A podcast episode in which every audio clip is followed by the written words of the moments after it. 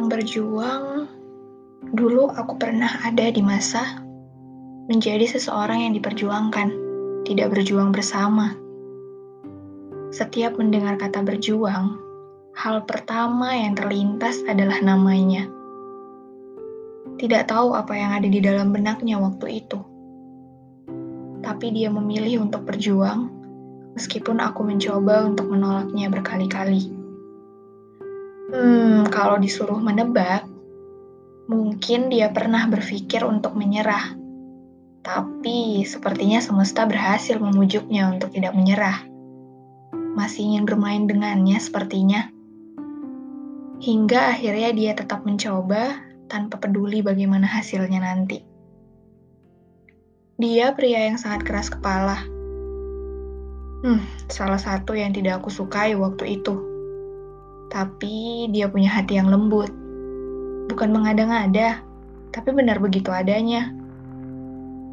Awalnya aku sama sekali tidak menyukainya, tapi karena keteguhan dan kesabaran hatinya, perlahan rasa untuknya tumbuh. Bagaimana layaknya seorang pria memperlakukan wanita yang dikasihinya, aku peroleh dari dia, yang menjadi pria pertamaku. Bagaimana aku tidak jatuh hati?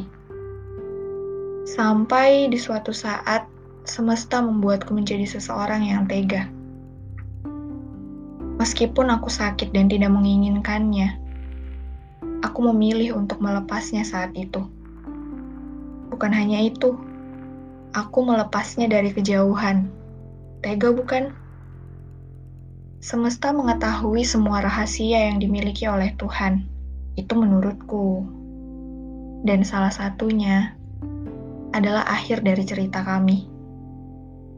Aku akan selalu ingat kau pernah menjadi seseorang yang berjuang untuk memenangkanku. Meminta semesta memihak kita. Jangan pernah berhenti berjuang. Biarpun aku dan kau tidak menjadi kita. Berjuanglah lagi untuk orang yang mau berjuang bersamamu karena aku bukan orang yang dipersiapkan Tuhan untuk menjadi pelengkapmu. Pasti, aku selalu berdoa untukmu.